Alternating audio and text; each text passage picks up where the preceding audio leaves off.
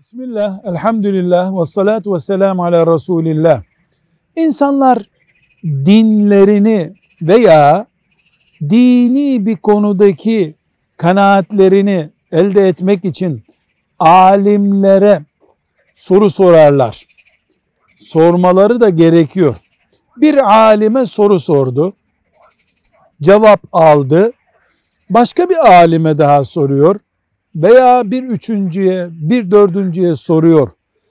Bir alimden bir kanaat öğrendikten sonra, bir fetva öğrendikten sonra ikinci, üçüncü, dördüncüye sormak dinen nasıl değerlendirilebilir? Cevap, eğer menfaatine, zevkine uygun olanı buluncaya kadar soracaksa bu caiz olmayan Allah'tan korkan bir Müslümana yakışmayan bir şeydir.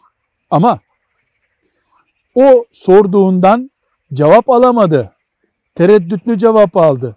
Veya daha takva, daha alim olduğunu öğrendiği birisine karşılaştı. Ben sormuştum.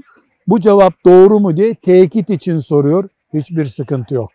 Bu olmalıdır da. Velhamdülillahi Rabbil Alemin.